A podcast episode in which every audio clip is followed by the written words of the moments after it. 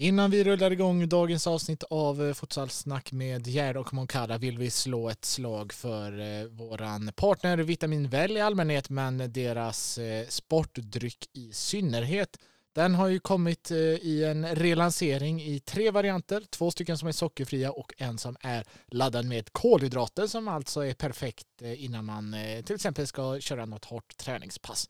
Alla tre drycker innehåller även elektrolyter som är oerhört bra för att hålla vätskebalansen i kroppen. De funkar alltså toppen att dricka innan, under eller efter ett träningspass. Och framförallt så är de oerhört goda. Följ Vitamin Väl Sverige på Instagram och från oss så får Vitamin Väl Sverige ett stort tack.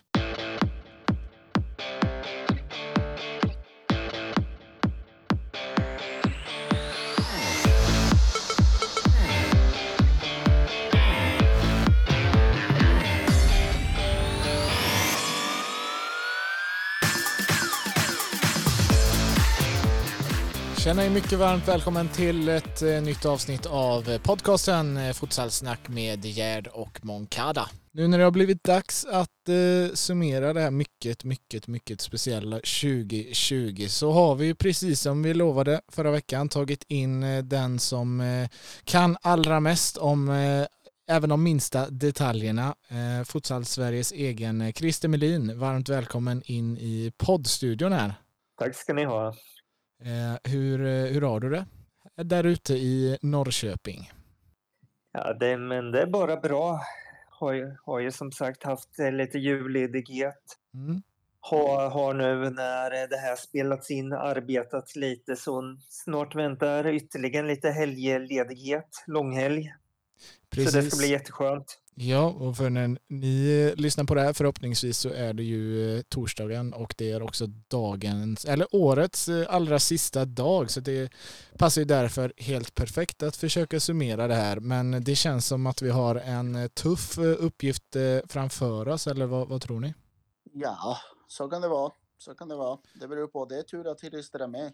Det är det. Det är verkligen tur. Vi hade inte löst det själva i alla fall. Hur är läget med dig då Andres, där uppe i norr?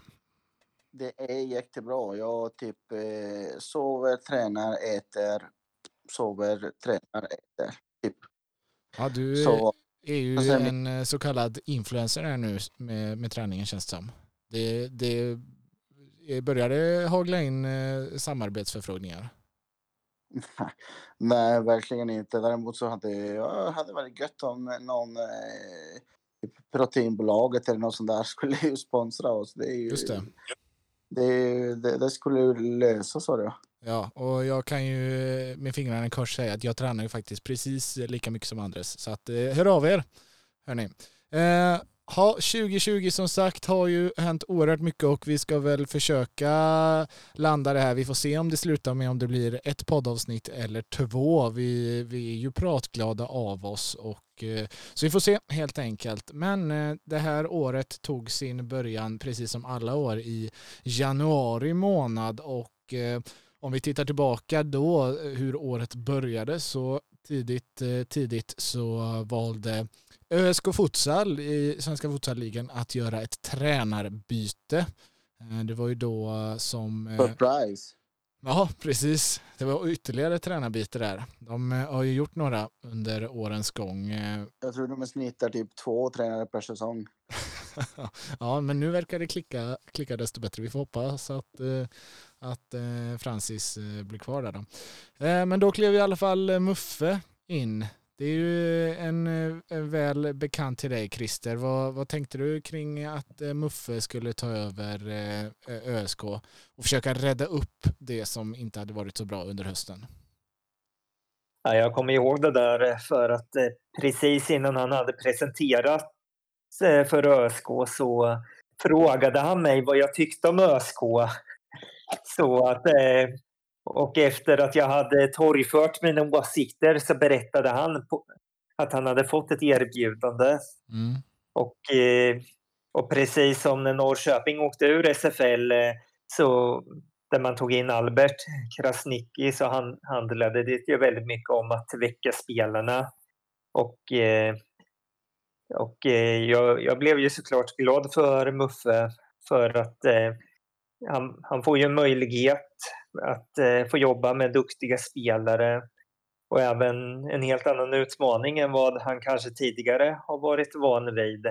Och eh, man alltså, inledde ju... Verkligen, var det verkligen en annan utmaning? Jag menar, det är ju exakt samma situation som Norrköping har haft så länge SFL finns. Du ska ju tänka på att eh, ÖSK har ju den självbilden att man vill ju vara ett topplag, vilket man är den här säsongen. Men eh, som vi alla vet tidigare säsonger så har det ju inte riktigt klickat. Man har bytt tränare flera gånger. Man har haft en väldigt stor spelaromsättning. Så att eh, när man tog in Muffe så ville man ju jaga sista slutspelsplatsen. Så att eh, på eh, sätt och vis så var det ju en utmaning. Och ja, man inledde, och man inledde ju hyfsat, vill jag minnas, för att man slog ju bland annat ihåg, jag vill komma ihåg att just då var jag eh, någon slags tränare i Skoftebyn och eh, jag vill komma ihåg att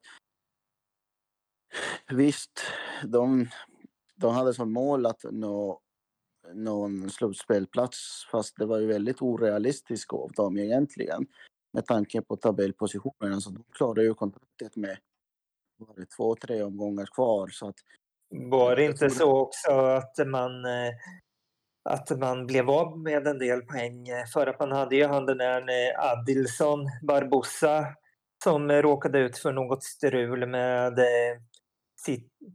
Jag kommer ja, inte ihåg det, exakt vad det var, om det var arbetstillstånd eller... Eh, ja, det, var, var, det var då Skoftebyn också drabbades av att brassarna fick inte spela slutspelsmatcherna. Det var ju en, eh. en gråzon i, ett, i regelboken helt enkelt. Jajamän, det var, det var jävligt, jävligt, jävligt uh, rörigt. Men i alla fall så Ja, vad var det nog mer som hände i januari då, förutom? Ja, men eh, ÖSK fick i alla fall lite önskad effekt eh, med vinst i premiären där för Muffe, men som sagt, de hade ingen, ingen succésäsong. Eh, vi hade också ett, eh, hör och häpna nu, man har ju faktiskt vant sig vid att det ekar tomt på arenor och idrottshallar nu, men ett eh, oerhört välfyllt Stiga Sports Arena när Hammarby var på plats och vann den där seriefinalen. Eh, en otroligt häftig drabbning och i tider som dessa så minns man ju verkligen tillbaka på det där med Ja men det, det är ju helt fantastiskt. Det är ett, ett, eh, ja, men ett fullsatt stiga liksom. Med, ja, jag kan knappt sätta ord på det. det. Det undrar när man får se det där igen. Ja, jag kommer ihåg att jag såg matchen på Eurosport. En, en, en väldigt känslofylld match som alla matcher mellan, mellan Hammarby och AFC tror jag har blivit en nya... Ja, de har blivit rivaler. Djurgården... Det har blivit riktiga rivaler. Djurgården ja. lämnade SFL och då fick AFC ta över den rivalstämpeln. Ja, och jag kommer ihåg att det var ju en riktigt, riktigt bra match eh, mellan två lag som kämpade eh, det var mycket prestige emellan och, och, och att eh, som jag har sagt tidigare, alltså AFCs publik, de eh, sviker aldrig liksom. Eh, ett väldigt bra tillskott till, till SFL. Mm. Eh, ja, utan tvekan. Nej, det var ju, det var ju, det var ju väldigt kul. Det var ju väldigt kul just då och eh, en riktigt, riktigt fin eh, match mellan två starka lag.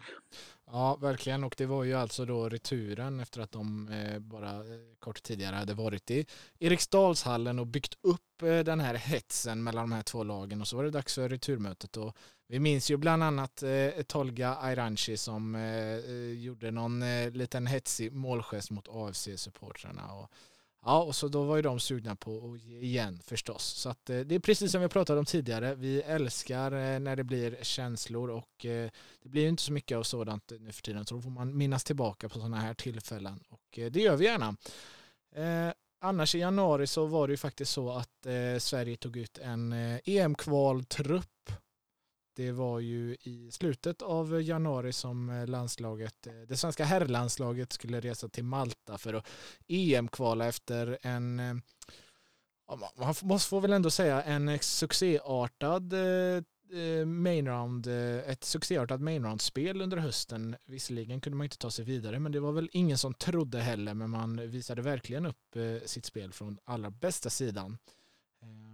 Men innan dess att eh, man kom iväg till Malta så blev det ju en eh, kanske årets största bomb som, eh, som släpptes där. Vi hade ju två landslagsspelare som stängdes av för att de var misstänkta och också anhållna för inblandning i, i matchfixning. I matchfixning relaterad brottslighet, precis. Eh, vad, kommer ni ihåg eh, hur ni reagerade när, när eh, ni nåddes av den nyheten? Ja, jag kommer ihåg att det spred sig ganska eh, flitigt eh, i alla möjliga ja, grupper på Whatsapp och, och, och Messenger och eh, Snapchat och allt möjligt. Och sen var det mycket spekulationer om vilka det var och allt möjligt. Och sen kom ju eh, Örebrostidningen eh, ut med namn och bild på, mm. på spelarna i frågan och det var, det var som en chock för alla givetvis. Och det nådde ju, jag kommer ihåg en tweet från, eh, från Simon Chekron som, som summerar händelsen ganska bra. Eh, vi inom futsal har strävat länge att få sitta i finrummet och finnas på de fina tidningar och stora tidningar och, och, och, nyhetskanaler och så vidare. Men kanske inte på det här sättet. Mm. Det var inte på det här sättet vi ville, vi ville komma dit. Eh, så den tweeten glömmer jag inte för det summerade ju precis ja, mina känslor och tror att de flesta som håller på med futsal. Jag måste bara eh. flika in där och passa på att hylla Simon Chekron. Jag tycker han är vass på Twitter alltså. Eh, skriver ja. mycket kloka, kloka saker där.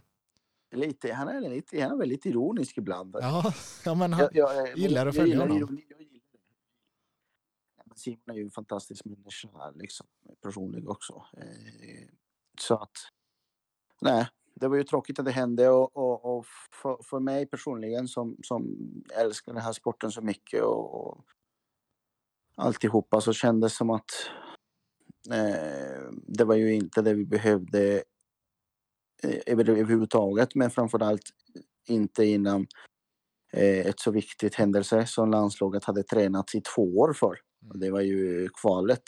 Ja men det kändes ju ändå eh, som, precis som du säger, det var ju EM som de kanske skulle ha något att hämta eh, för, mm. för, att komma lite längre den här gången. Ja, men... eftersom det var tre, tre och fyra stycken i, i varje grupp, mer eller mindre, mm, eh, skulle sen, kunna gå vidare. Sen, sen Mattia kom in egentligen som på något sätt här i EM-kvalet eh, eh, kanske skulle vara det som man skulle ha något att hämta i. Ja, så nej, det var ju, det var ju väldigt tråkigt. Det mm. var ju otro, otroligt tråkigt. Ja, och det blev ju också som du säger eh, spekulationer såklart. Eh, först och främst då vilka två handlar det om? Eh, jag vet ju att eh, jag jagade så mycket det bara gick. Jag satt eh, i den stunden, eh, ja, återigen hör och hämta på ett köpcenter med datorn och, och sa till min sambo att eh, du, får, eh, du får fortsätta, jag måste sätta mig här. Eh, och började jobba.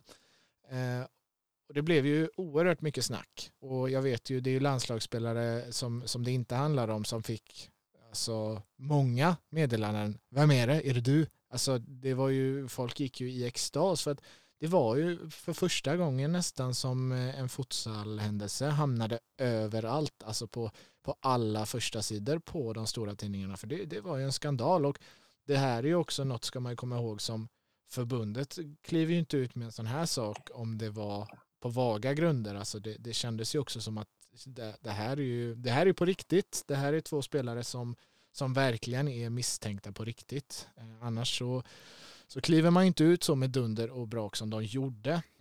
Nej, och att det är också första, det nya spellaget som började verka just då i januari i det året, eh, eller i år. Eh, det är också de första, det första fallet liksom, som faller under den här nya lagen. Eh, gjorde ju att, att man var verkligen säker på att de hade ju starka bevis för annars skulle de inte ha agerat så. Men man vet ju, svenska, svenska polisen är ju väldigt försiktiga sådan liksom. Att har de inte väldigt starka bevis så, så agerar de inte. Eh, och det är därför många gånger man upplever polisen som lite naiva då.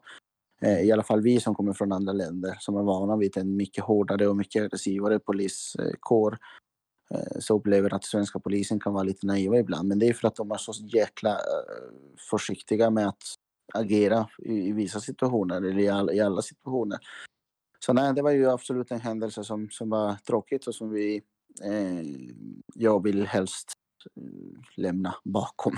Ja, så att säga. ja precis. Oerhört trist. Och eh, det som man eh, minns tillbaka på är också då att eh, Håkan Sjöstrand då som generalsekreterare på förbundet fick ju bland annat resa ner till eh, Malta mm. till, till truppen och sådär och, och prata om det här och det gjorde givetvis gott för alla att, att förbundet visade sin stöttning i det hela men det går ju inte heller att se förbi det faktum hur det påverkade Eh, resultaten. Det var ju, eh, det är ju två, två nyckelspelare, två rutinerade spelare som också, vi kan ju också eh, se eh, hur snabbt, på tal om spekulationerna kring vilka det handlade om, eh, det tog ju knappa dygnet innan dessa spelare var strukna på truppen till EM-kvalet. Så det, man behövde inte vänta länge på innan man fick vetskapen om vilka det handlade om. Även om man såklart hade märkt det när det väl var dags att spela så,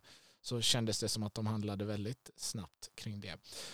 Ja, eh, stor bomb som sagt. Eh, några avslutande ord eh, kring det. Vad, vad, Christer, hur minns du tillbaka på det här? Jag vill väl minnas eh, som ni eh, gjorde det att det var väldigt dämpad stämning. Eh, att eh, tangentbordet gick ganska varmt eh, den, den dagen från folk som man har nära inom den här sporten och eh, precis som, ni näm som du nämnde nu på slutet så kom det ju fram ganska snabbt vilka det handlade om även om inga eh, benämnde dem vid namn. Och det är ju väldigt tråkigt för att det är ju människor eh, vi ska ju komma ihåg att det här är ju en liten sport och alla känner alla och, eh, och eh, det man har träffat eh, på många härliga personer och även de här två. Och eh, som man självklart sympatiserar med. Men man sympatiserar ju inte med handlingarna som de är misstänkta för. Nej, absolut inte. Nej, det är det jag säger att det är väldigt svårt att skilja mellan, mellan folk och, och, och, och händelser och agerande. Men, men det är ju det är oerhört tråkigt för, för alla, eh, givetvis. Inte minst för, för dem själva och deras familj. Så att, ja, jag tycker att det som sagt, jag vill lägga det bakom eh, så att vi kan gå vidare och tänka på kanske lite positivare grejer. Även om det är svårt att hitta något positivt i det här jävla året. Men mm. någonting finns det i alla fall. Absolut. Nej, bara... en, en, en, positiv sak är ju det att klubbarna, att förbundet har ju utbildningar när det kommer till matchfixning och sånt inför säsongerna. Mm. Jag tänkte precis, för att man ska bli medvetet. Ja, precis. Jag hade samma tanke där som Christer, att eh, det blev ju på något sätt ett, även om det kanske inte behövde vara riktigt så stort, så blev det ju ett ordentligt wake-up call, tror jag. Eh, både för eh, förbund och kanske SF och, och spelarna framför allt tror jag att de är, spelar man i, i svenska landslaget, oavsett om det är i den eh, lilla sporten futsal som vi ändå försöker få riktigt stor, så måste man vara oerhört medveten om att, eh, att det mesta man gör syns utåt. Och eh, det känns också som att det, det, det satte sig hos dem. Och jag tror att många tänkte igenom både en och två gånger hur man, eh, ja men dels kanske om man håller, höll på med betting på något sätt att man faktiskt får vara vaksam på så att man inte glider in i någonting som faktiskt inte är tillåtet. Eh, så att eh, ja, vi fick väl offra ett, ett EM-kval men kanske tog, eh, även om vi då fick ta ett kliv framåt så kanske vi tog två kliv, eller om vi tog ett kliv bakåt så tog vi kanske två kliv framåt vid sidan av planen. Så får vi tänka. Eh, ja, det var ett, eh, som sagt ett EM-kval som inte kommer eh, gå till historien över det finaste svenska spelet vi har sett. Eh, man inledde med att slå Malta. Därefter blev man nollade av Polen innan man föll mot Grekland. Och Ja, man åkte ur EM-kvalet helt enkelt redan i den eh, första omgången och eh, Sverige slutade trea i gruppen. Man hade ytterligare en livlina eh, för de fem bästa grupptreorna skulle gå vidare till ett eh, mellankval men eh, där hamnade inte Sverige tyvärr. Så att man fick se sig utslaget redan i januari och det är såklart en stor missräkning. 2020 åkte sedan vidare in i nästa månad och eh, då fick vi ett, eh, se ett RFL som eh, gick in i slutspel. Hur, hur minns ni den RFL-säsongen och kring lagen där som, som tog sig vidare till slutspel? Vi kunde ju läsa om IFK Åkullsjön som, som blev det första laget i slutspel. Det var du, Christer, som gjorde en intervju där. Minns du något om, om deras säsong och övriga lag där? Um Eh, IFK Kurdsjön ifrån Robertsfors kommun. Det är ju en liten ort eh, och eh, de har ju bortsett ifrån Umeå IK haft monopol på att vara topplaget i norra Sverige och men trots att man är detta så ligger man kanske lite efter de andra delarna av Sverige. Och det vet jag ju eh, när jag har pratat med Mia Lindgren som är tränaren i IFK Kullsjön. Vi har pratat många gånger genom åren, även om det var ett tag sedan sist. Och eh, hon eh, medger ju själv att eh, man kanske är lite för statiska och så, men, men det är ett lag med väldigt mycket hjärta och när man väl når slutspel så klämmer man fram det här lilla extra vilket eh, man även gjorde den här gången. Mm. Även, om, även om det inte räckte till. Nej, precis. Nej, det är eh, lite som, som futsalen överlag i Norrland är ju, ligger ju betydligt många år efter i utvecklingen. Eh, jag menar om, om vi tänker på spelarmarknad och tränarmarknaden är så, så liten i, i södra Sverige, i de stora städerna som Göteborg, i, i Stockholm, Örebro och så vidare. Så är det ännu, ännu mindre, minimal skulle jag väl säga, Där... här uppe i, i Norrland. Så att. Andres, däremot, jag tycker ju att det är konstigt eh, också för att det borde ju finnas potential med tanke på att eh, det är lite svalare eh, region men även Umeåområdet eh, borde ju ha massor med duktiga spelare både på herr och damsidan. Men det kanske är fotbollen som är det dominerande där. Ja, men sen är det vinteridrotter, alltså vintersporter. Som sagt, det är så mycket och så lång vinter. Så, eh, riktiga vintersport som skidåkning och, och, och, hockey och allt det där, de är ju betydligt mycket större och har en längre tradition. Det är också, vi måste, måste också tänka eh, det är viktigt i den här frågan. Eh, om vi tittar på spelarna i ESFL till exempel och, och, det är många spel, de flesta är ju med invandrarbakgrund. Vi är ju vana att spela futsal i våra hemländer då. Eh, medans Medan eh, här, uppe finns, alltså här uppe finns det inte så stort eh, andel eh, invandrare. Och, och tittar du på de som spelar futsal nu till exempel, i min, i min serie i division 1 i Norrland eh, så är det många invandrare. Eh, mitt lag, det är typ två, tre svenskar. Eh, eh, Arvidsjaur så, eller Arjeplog, de är ju bara invandrarkillar. Och, så det spelar ju också roll eh, i, i slutändan. Men eh, när vi snackade slutspelet för, för, för RFL så, så vill jag minnas att det var de fyra bästa lag i Sverige. Det var ju Gais, Djurgården, eh, Blåvitt och eh, gamla Falcao, Järla, Södertälje. Eh, kärt barn har ju många namn tror jag. eh, och det var ju faktiskt roliga matcher. Jag såg eh, någon match och det var ju väldigt bra kvalitet. Det var ju, ja, så det är ju landslagets grund också. Men sen kommer jag ihåg att det var mycket snack om Järla då att de hade inte alla sina spelare. Daniel hade varit skadat länge och, och eh, Nazanin hade inte fått spela på grund av det där problemet som hade uppstått med Falcao. Mm. Eh, som förening så hon hade blivit stoppad av, av Falcao och kunde inte spela överhuvudtaget. Susanne... Eh, det vill jag revidera lite för att hon var med i returmötet mot Guys. I alla fall enligt laguppställningen. Okej, okay, ja, men hon så, har inte fått spel. Det var ju till och med på Futsalmagasinet var det stort eh, reportage. Ja, mm. ja så, så, är det, så är det. Eh, jag kommer ihåg det där och eh, det var, det var en hel del tid man laddade ner på det där med att eh, hålla kontakt med eh, respektive spelare. Ja.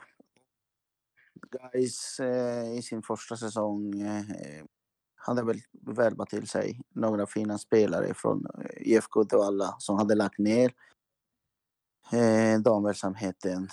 Eh, så att, eh, nej, det var ju det var ju rätt vinnare till slut, tycker jag. Jag tycker Blåvitt visade ju sin jag, jag, brukar ju all, alltid säga att när jag var liten, sen jag var liten och började spela fotboll så hör, hörde jag alltid min tränare säga att gamla spelare eller rutinerade spelare eh, vinner titlar och unga spelare vinner matcher. Eh, och, och, det visade ju sig i finalen då mellan Blåvitt och Gais då att eh, ett mer rutinerat Blåvitt kanske inte eh, Eh, i helhet spelare per spelare bättre än guys som, som så.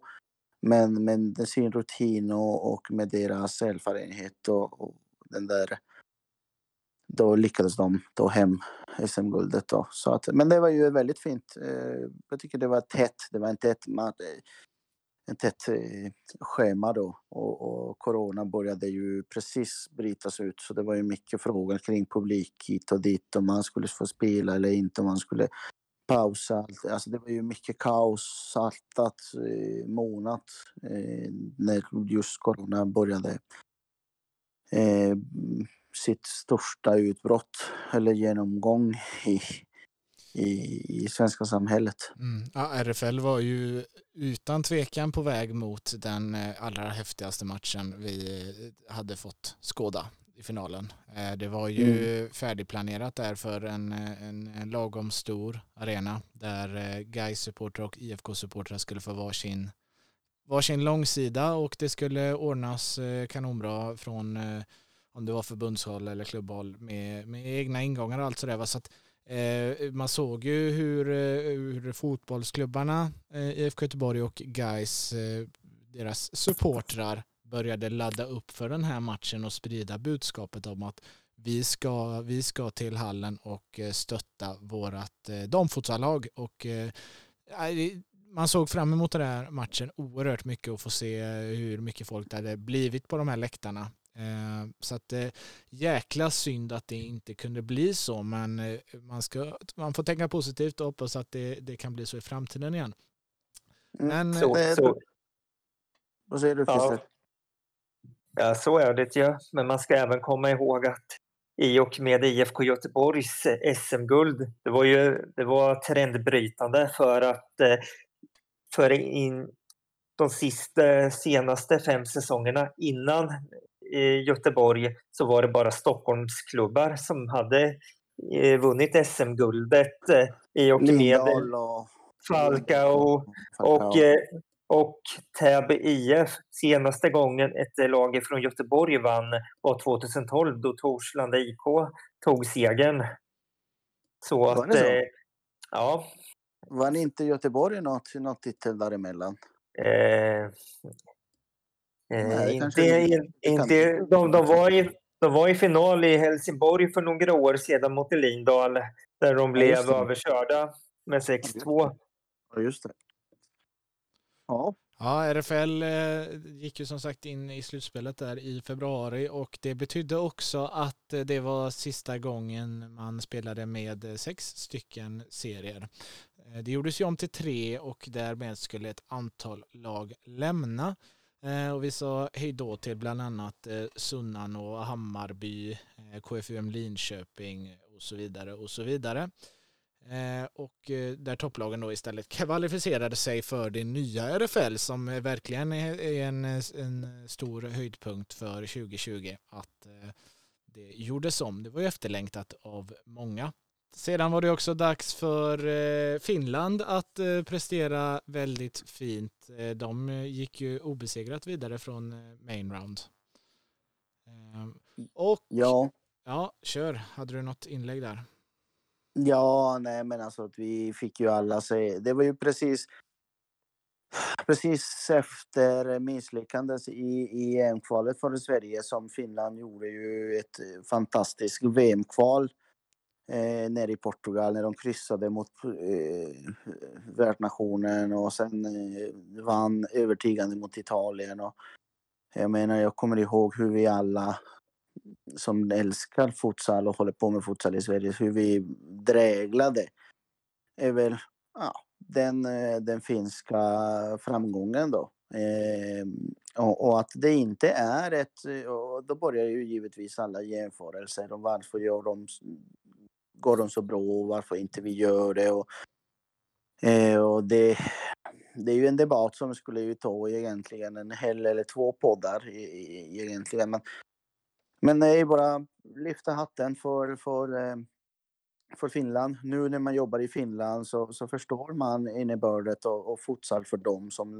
nation och att det är mycket större än vad det är i Sverige. Det kan, det kan jag konstatera att, att det engagerar mer publik och det engagerar mer eh, typ riksmedia och jag kommer ihåg när Viktor till exempel, det är bara ett exempel, Viktor gick ju från Göteborg till Tornio då och det det uppmärksammades på riksmedia liksom och, och text-tv och alltihopa i Finland medan i Sverige var det bara Fotbollmagasinet. Nej, som, inte så bara. Det är inte så bara. Jaså? Nej, men att det är väl inte så bara att det är Futsalmagasinet, det är ju rikstäckande för fasen. Ja, men, men eh, ja, du Nej, förstår jag skojar, vad jag menar. Jag skojar med det. Eh, så att, så att det, man, man förstår ju vilken process de har, vilken koll de har, hur Mischo Matic och Dusan Matic konstant eh, åker ut till, till Finland och håller träningsläger runt omkring i landet och deras deras eh, pojklandslag och flicklandslag och, och damlandslag och allt vad det innebär med futsal. Alltså det är ju en, en investering och en, i både tid och pengar eh, som, inte, som inte vi kan mäkta oss eh, just nu i Sverige, känns det som. Eh, så det var ju inte, det var inte en överraskning egentligen för dem själva var det inte det. Jag pratade med, med, med Sergej Kursnov som är eh, landslagsman och spelar med Tornio. Vi pratar otroligt mycket och, och, han berättar hur, hur de har det och hur mycket koll de har och hur mycket kommunikation han håller med, med landslagsstaben och det. Och, ja, det är ju bara lyfta, som sagt, eh, lyfta hatten för, för Finland. Verkligen, verkligen. Tillbaka till Sverige där eh, division 1 eh, spelades klart eh, för herrarna. Och det var dags då att lagen, fyra lag skulle göra upp om de här platserna, två platserna till SFL och då var det Norrköping som ställdes mot Västerås och FC Lidköping United mot Libertad. Och vi, vi vet ju vilka två lag som spelar i SFL idag men snabbt är bara Eh, vad, vad minns ni de här kvalmötena där då alltså Norrköping och Libertad till slut gick eh, vinnande? Ja, jag vill säga att Lidköping vann ju borta första matchen mot Libertad och att efter matchen så såg man lite för mycket eufori i Lidköpingslägret. Eh, och det är alltid farligt när det är ju till så många matcher eh, som det var två matcher kvar att spela, minst. Mm. Eh, och eh, det kändes liksom oftast när man visar så där mycket eufori när det inte är klart så brukar det alltid bita en i arslet. Ja, det kunde väl, eh, det är väl snarare, det var max två matcher kvar. Eh, hade de vunnit ja. nästa så hade det ju varit klart. Ja, men precis. Eh, så var det. Men eh, ja, det, det visade sig sen att hemma hemma i Lidköping över två matcher så, kunde inte, så lyckades inte Lidköping United igen. Eh, de lyckades inte ta sig vidare till SFL. en klubb som vi har hyllat massor här. Mm. Eh, eh, och sen tidigare, för de har ju en vettig organisation och mycket supportrar och allt vad det innebär som man skulle vilja ha i, i SFL. Eh, Men har inte lyckats eh, fast de har ju varit där ett par gånger. Och, Ja, de, har, de har varit eh, nära några gånger men eh, precis som du säger så jag tror att de, eh, det de kände inför det här mötet med Libertad, så de hade fördelen att ja, men vi börjar på bortaplan. Vinner vi där så har vi bara hemmamatcher kvar. Alltså vi har råd att förlora en hemmamatch och få en ny hemmamatch. Alltså det, det ska gå vägen då. Så att en seger på bortaplan, då kände man att ja, men nu är det ju nedförsbacke till SFL. Eh, om Ja, en, om men en, en liten sluttning så. Det är det som är problemet. Att du, kan in, du kan aldrig tänka så där. Du, du, du, du måste ju gå ut till varje match med samma inställning. Liksom. Och visst, det är ju en klyscha att säga det.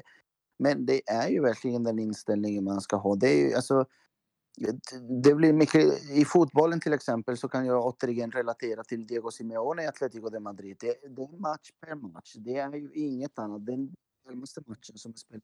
Aldrig några stora firanden. De har aldrig favoriter. Och, och många kan tycka det är tråkigt, men det är ju vettigt. Jag menar, du kan inte vinna en match, ha max två matcher kvar och du kan inte liksom fira som att du har vunnit något. Nej, alltså Eh, den första matchen är ju, man får ju tänka hockey att det var första perioden. Ja, exakt. Det är ju oerhört långt kvar av en match då. Och sen i den andra, jag tror Christer har bättre koll eh, på den. Eh, Ja, jag såg Christer Norrköping tog sig tillbaka. Ja, Det var tre... Det var ju precis som i det mötet ni nämnde. Eh, tre matcher. De två första matcherna var väldigt tajta. Där Norrköping vann i förlängning, eh, vill jag minnas. Jag kan ha fel. Och i returmötet som var i Västerås, där vann eh, Västerås precis innan slutsignalen. Och eh, de här två mötena var väldigt eh, tajta med eh, fantastisk stämning. Eh, frå fråga domarna som var på plats. Eh, och, eh, jag är säker på att de hade önskat att eh, det hade varit så här på varenda SFL-match. Även om just eh, de här matcherna rent stämningsmässigt eh, är unik i sig då eh, division 1 kan vara väldigt eh, gråa rent stämningsmässigt. Men eh, i den avgörande matchen så var det ingen snack om saken. Då tog ju Norrköping fram det här lilla extra som man var tvungen att göra. Mm. Och, eh, och eh, res, eh, facit har ni ju. Precis, de är tillbaka i SFL och skönt då för båda lagen i all denna skiten som är nu är att det står klart att de spelar SFL även kommande säsong. Så att, eh, det, Jag, jag, jag kan även tillägga lite snabbt att eh, Liberta, de fick ju en friplats i kvalet efter att Thorengruppen ifrån Umeå lämnat återbud. Ja, alltså de verkligen, de åkte på en, på en Moncadas räkmacka, Livertad. De fick ju gratisplats i ettan och sen fick de gratisplats i, i, i kvalet. eh, Och sen lyckades de ta sig... Sen måste man vara där och vinna matcherna såklart. Men, men de fick ju, vi kan säga att hälften eh, var ju gratis så att säga. Moncadas räkmackeservice AB. Jajamän. Ja. Sam, samtidigt så Liberta, de gör ju det, även om de kanske fick en enklare väg men vann matcherna, så har de ändå gjort samma resa som Strängnäs futsalklubb, AFC Eskilstuna och även eh, Hammarby, även om Hammarby började i ettan. Man har, man har klättrat genom seriesystemet så att det är ju en demografi som ändras om här i, i SFL-landskapet. Ja, jag kan passa på att lyfta på hatten just för Libertad också från eh, nutid. Eh, slog Hammarby i helgen. Riktigt starkt. Eh, Ja. Vidare så kommer vi, minns vi tillbaka på brassarna. Eh, vi var inne på det förut. ÖSK hade en eh, brasse som, eh, som eh, blev, där de blev anmälda eh, av kollegan ÖFC efter derbyt. Och ÖFC fick också rätt i det, vilket gjorde att Skoftebyn blev lite darriga inför hur de skulle fortsätta använda sina brassar i och med att eh, det var så oklart vad som egentligen gällde och det fanns väl egentligen inte heller någon som kunde ge ett, ett riktigt, riktigt klart besked utan det var fall till fall. Så att eh, Skoftebyn kände väl helt enkelt att eh, använder vi nu brassarna i slutspelet och det går vägen, skulle något lag då vara så ja, om man får kalla det tråkiga eller smarta eller ja, hur vi väljer att se på det, att, att eh, de lämnar in en protest så känns det också som att den hade gått igenom då i och med att eh, ÖFCs gick igenom där. Eh, så att det blev ju en följetong och det blev också så att Skoftebyn spelade slutspel utan sina brassar. Mm.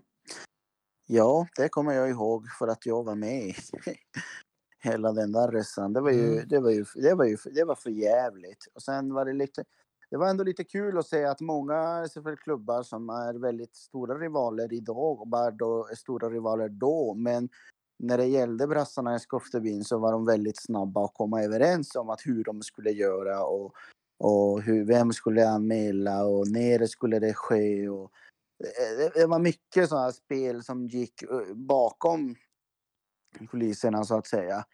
Eh, och eh, det var tråkigt att uppleva när man, är, eh, när man inte är oberoende.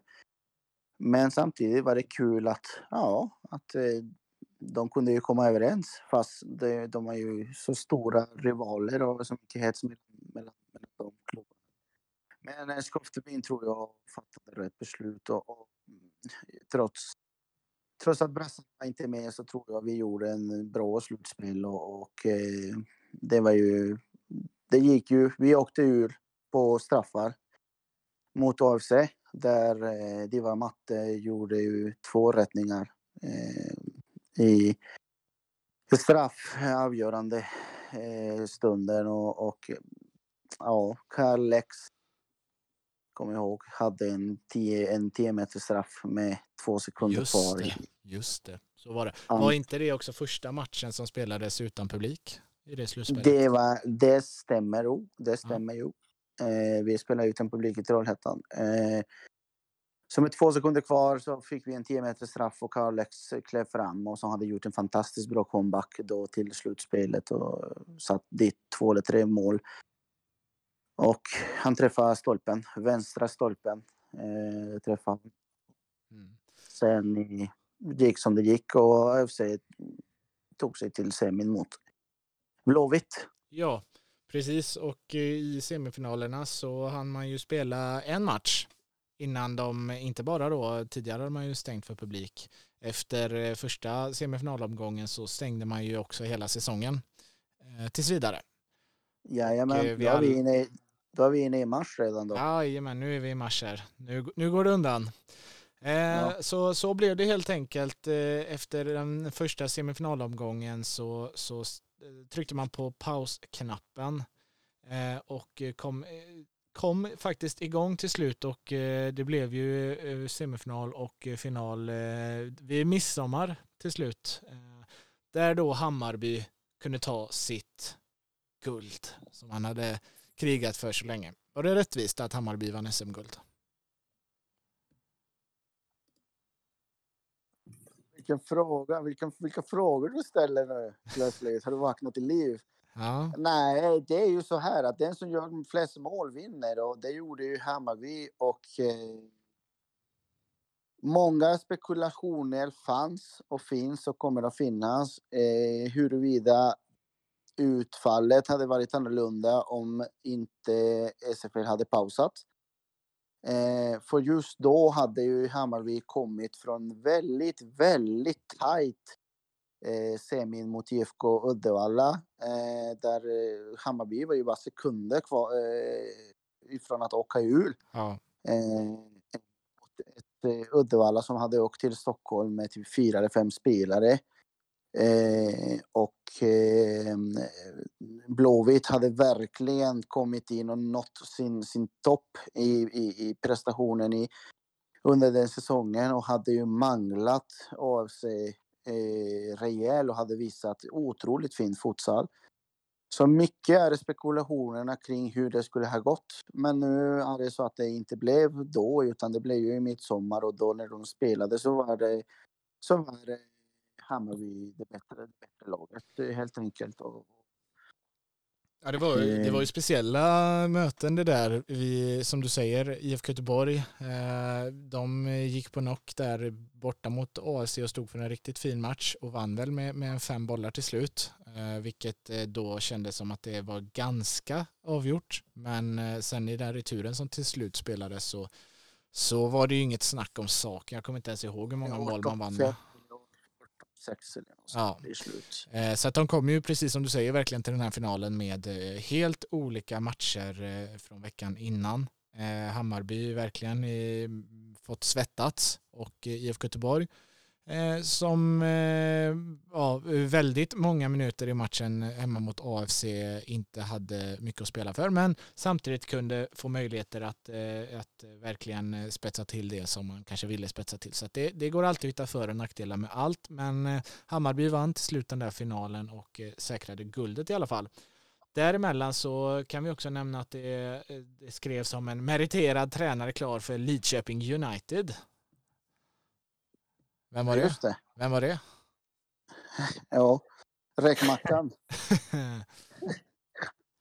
ja, ja, det var ju faktiskt väldigt kul. Jag tycker att det var, det var kul. Det var en lång, lång, lång... Eh, jag hade ju faktiskt ett par förfrågningar från SFL-klubbar. Eh,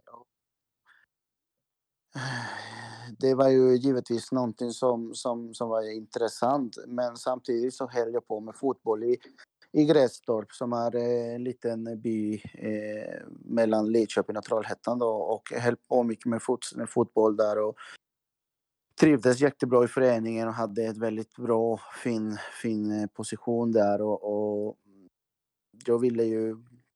Samtidigt så var jag trött. Eh, var trött och lite utbränd på futsal i SFL eh, Eh, många säsonger där man hade hållit på, eller tre i alla fall, tre, fyra säsonger som man hade hållit på med fotboll och futsal. Inte haft semester eh, överhuvudtaget, precis som många spelare då i landslaget.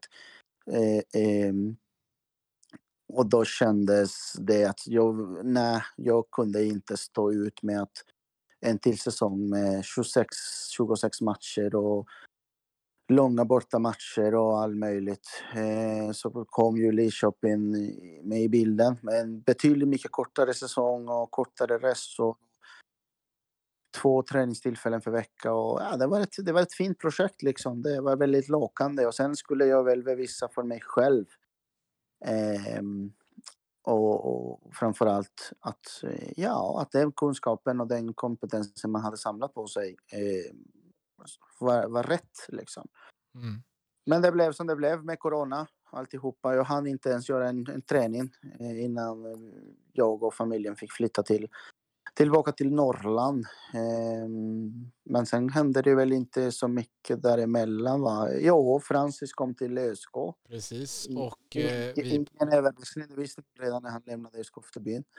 mm. Det luktade väldigt mycket ÖSK efter att han tidigt på året där lämnade Skoftebyn. Eh, vi på Fotsalmagasinet tog också ut årets spelare i RFL, Madeleine Stegius. Eh, grattis återigen till det. Eh, och sen var det ju sommar, helt enkelt. Och vad hände egentligen under den här sommaren efter finalen? Ja, det var ju mest ESK som gäller då, antar jag. Precis. Och det är ju att alla proffsspelare hit och dit som...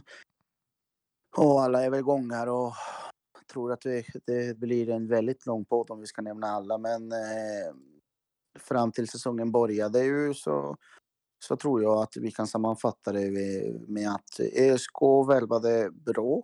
Att eh, Blåvitt fortsatte vara stark.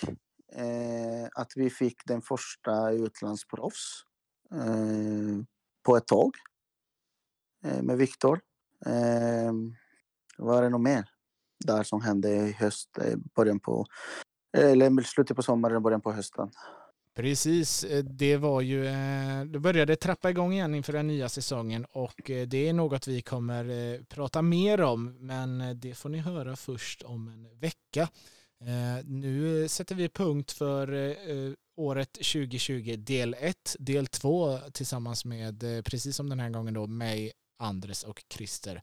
Får ni höra igen nästa torsdag när det är 2021. Vi hoppas att ni orkar vänta tills dess. Ja, och vi härifrån vill önska er alla ett riktigt gott nytt år och hoppas att ni firar med så få personer som möjligt så att vi snart kan få se lite... restriktionerna. Ja, precis. Det är viktigast just nu. Men eh, jag hoppas ni får det oerhört trevligt i alla fall. Och vi kan också passa på att tacka för eh, hösten, höstdelen av podden och alla ni som har lyssnat och hört av er. Eh, det uppskattas oerhört mycket. Vi hörs igen som sagt om en vecka och då blir det 2021 års första avsnitt. Tack så mycket. Gott nytt år. Feliz año.